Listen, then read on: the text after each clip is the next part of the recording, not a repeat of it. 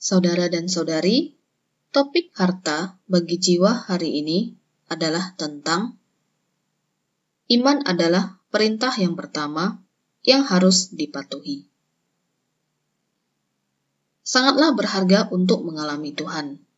Namun pertama-tama, kita harus menaati perintah-perintahnya. Dan di antara semua perintah, pertama-tama kita harus menjalankan perintah iman. Dalam kitab Yohanes pasal 6 ayat 35, memberitahu kita bahwa iman adalah untuk datang kepada Tuhan. Saat kita datang kepada Tuhan, maka kita tidak akan lapar atau haus lagi banyak kutipan dalam kitab Mazmur yang berbicara tentang percaya dan berlindung. Misalnya dalam Mazmur pasal 28, Kepadanya hatiku percaya, aku tertolong. Dalam Mazmur 37, Percayalah kepada Tuhan dan berbuat baik. Dalam Mazmur 34, Berbahagialah orang yang berlindung kepadanya kita percaya kepada Tuhan saat kita mengatakan padanya, "Tuhan, aku percaya padamu." Adalah yang sesederhana itu. Marilah kita menggunakan iman kita untuk menikmati Tuhan secara mendalam. Kasih Tuhan yang muncul dalam hidupku adalah yang benar-benar berharga dan tak tertandingi. Saya telah mengalami ini tidak hanya ketika saya menjadi orang yang baru percaya. Namun juga dalam beberapa hari terakhir. Tuhan berkata, Barang siapa memegang perintahku dan melakukannya, dialah yang mengasihi aku. Dan barang siapa mengasihi aku, ia akan dikasihi oleh Bapakku, dan aku pun akan mengasihi dia dan akan menyatakan diriku kepadanya atau seperti yang tertulis dalam Yohanes 14 ayat 21. Inilah jalan untuk mengalami Tuhan. Dengan menaati perintah-perintah Tuhan. Tuhan telah memberi kita banyak perintah. Jadi bagaimana kita menaatinya? Ini adalah yang sangat penting. Jadi, kita harus jelas mengerti tentang itu. Dan inilah perintahnya itu supaya kita percaya akan nama Yesus Kristus, anaknya, dan supaya kita saling mengasihi sesuai dengan perintah yang diberikan Kristus kepada kita. Seperti 1 Yohanes pasal 3 ayat 23. Ayat Alkitab ini menyimpulkan perintah-perintah Tuhan. Perintahnya tidak hanya memerintahkan kita untuk bekerja. Pertama, kita perlu percaya yaitu percaya dalam nama anaknya Yesus Kristus. Kita percaya dalam nama Yesus Kristus, segala sesuatu tentang Tuhan sendiri yang sangat berharga. Oleh karena itu, ini adalah tentang keyakinan dan percaya kepadanya. Kita akan benar-benar mengenal Dia saat kita mengalami penampakannya di dalam hati kita. Ini bukan hanya sesuatu yang kamu dengar, Sebaliknya, itu adalah pengalamanmu yang secara langsung. Kamu mengenal dia dan melihat dia di dalam hatimu. Namun, pertama-tama kita harus menaati firman-Nya. Jika tidak, maka kita tidak akan dapat memiliki pengalaman yang mendalam dengannya. Jadi pertanyaan besarnya yaitu, bagaimana kita dapat menaatinya? kita tidak dapat mengandalkan diri kita sendiri untuk melakukannya. Petrus berkata, Sekalipun aku harus mati bersama-sama engkau, aku takkan menyangkal engkau. Atau seperti yang tertulis dalam Markus 14 ayat 31.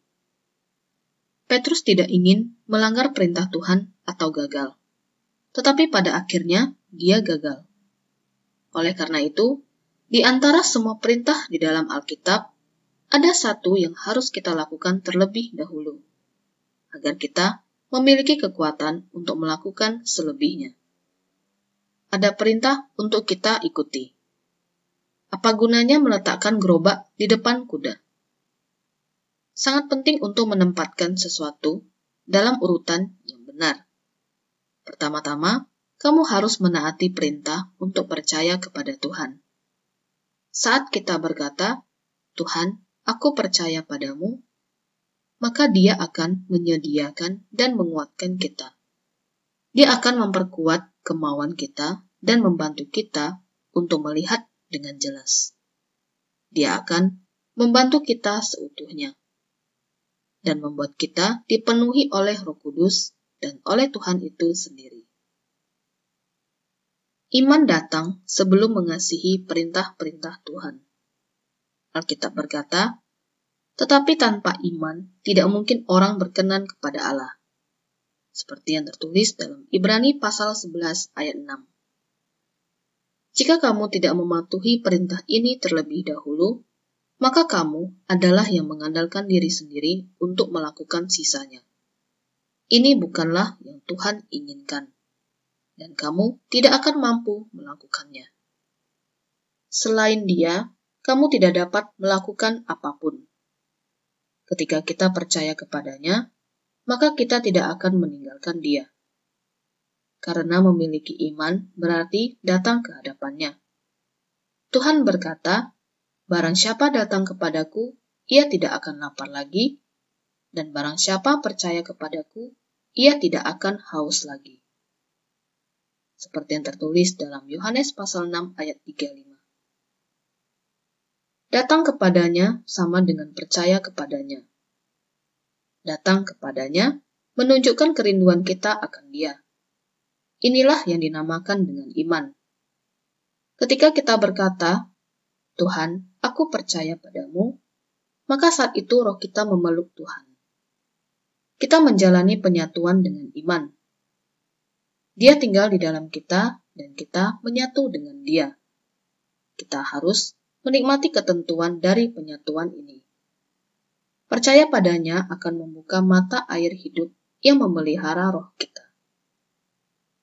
Kita sama sekali tidak dapat mengandalkan diri kita sendiri untuk menaati Tuhan.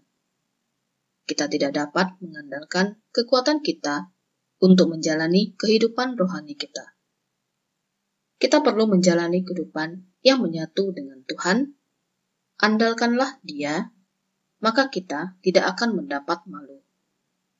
Inilah artinya percaya kepadanya. Allah memerintahkan kita untuk beriman padanya. Iman sejati adalah yang mencakup kepercayaan. Dalam kitab Roma pasal 1 ayat 17 berbunyi, Sebab di dalamnya nyata kebenaran Allah yang bertolak dari iman dan memimpin kepada iman. Kita akan terus berjalan di jalan iman ini, percaya padanya hingga kita bertemu dengan Tuhan. Kita tidak akan gagal jika kepercayaan ini tidak terganggu.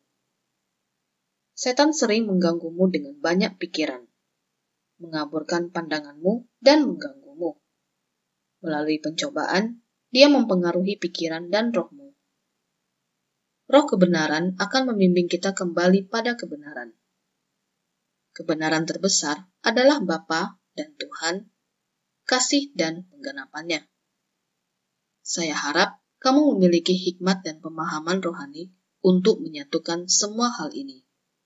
Sama seperti yang dijelaskan dalam surat Kolose, maka kamu akan menghasilkan banyak buah, seperti yang disebutkan di bagian akhir buku ini.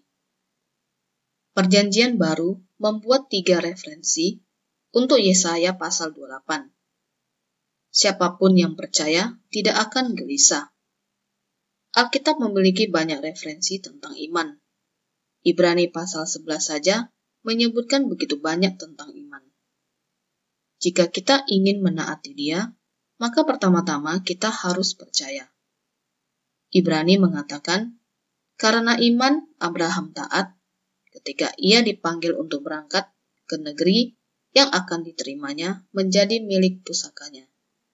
Seperti yang tertulis dalam Ibrani pasal 11 ayat 8. Abraham menaati Allah sehingga dia pergi. Dia memiliki iman sebelum dia dapat mematuhi perintah Tuhan untuk pergi keluar. Di kitab Mazmur ada berkali-kali berbicara tentang percaya pada Tuhan. Galatia juga mengatakan, hanya iman yang bekerja oleh kasih. Atau seperti yang tertulis dalam Galatia 5 ayat 6. Hanya ketika kita memiliki imanlah, baru kita dapat mengasihi. Kasihilah Allah dan manusia terlebih dahulu. Maka kita akan dapat menjalankan perintah-perintah lainnya. Saya harap kamu dapat melihat gambarnya secara keseluruhan.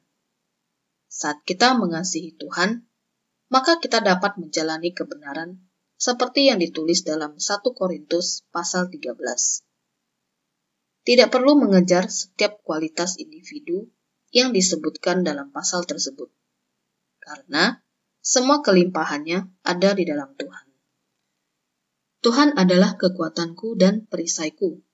Kepadanya hatiku percaya. Aku tertolong sebab itu beria-ria hatiku. Dan dengan nyanyianku, aku bersyukur kepadanya. Seperti yang tertulis dalam Mazmur 28 ayat 7. Tuhan adalah kekuatanku dan perisaiku. Betapa indahnya kutipan ini. Tuhan adalah kekuatanku dan perisaiku. Dia peduli pada kita dan melindungi kita dari serangan musuh. Kepadanya hatiku percaya dan aku tertolong. Sesederhana itu, yaitu dengan percaya padanya, dari hatiku dan aku tertolong. Hatiku beria-ria. Kita dapat bersuka cita saat kita hidup dengan cara yang demikian. Dan dengan nyanyianku aku bersyukur kepadanya. Tidak peduli seberapa hebat setan mengganggu kita, Segera setelah kita percaya pada Tuhan, maka kita akan dapat bersyukur dengan bernyanyi. Percayalah kepada Tuhan dan lakukanlah yang baik. Sangat jelas bahwa kepercayaan datang sebelum berbuat baik. Iman adalah langkah yang pertama. Diamlah di negeri dan berlakulah setia. Kita menikmati kesetiaannya karena dia berjanji siapa pun yang percaya kepadanya tidak akan mendapat malu. Bergembiralah karena Tuhan, maka Ia akan memberikan kepadamu apa yang diinginkan hatimu. Seperti yang tertulis dalam Mazmur 37 ayat 3 sampai 4. Mazmur ini berbicara banyak tentang mengandalkan Dia dan percaya padanya. Marilah kita baca satu ayat lagi. Kecaplah dan lihatlah, betapa baiknya Tuhan itu. Kamu harus benar-benar merasakan kasihnya, maka kamu pasti dapat merasakan bahwa Tuhan itu baik. Berbahagialah orang yang berlindung padanya, seperti yang tertulis dalam Mazmur 34 ayat 8. Untuk percaya padanya berarti yakin terhadapnya. Ketika kamu percaya kepadanya dan menikmati dia, maka kamu akan tahu bahwa Dia adalah yang terbaik. Hari ini saya telah menunjukkan kepadamu tentang gambaran keseluruhannya. Tujuan saya adalah untuk membantumu dari hati ke hati dengan Tuhan. Untuk menghidupi Yohanes pasal 15. Pada malam sebelum penyelipannya, Tuhan memberitahu kita bahwa dia ingin agar kita mengalami dia.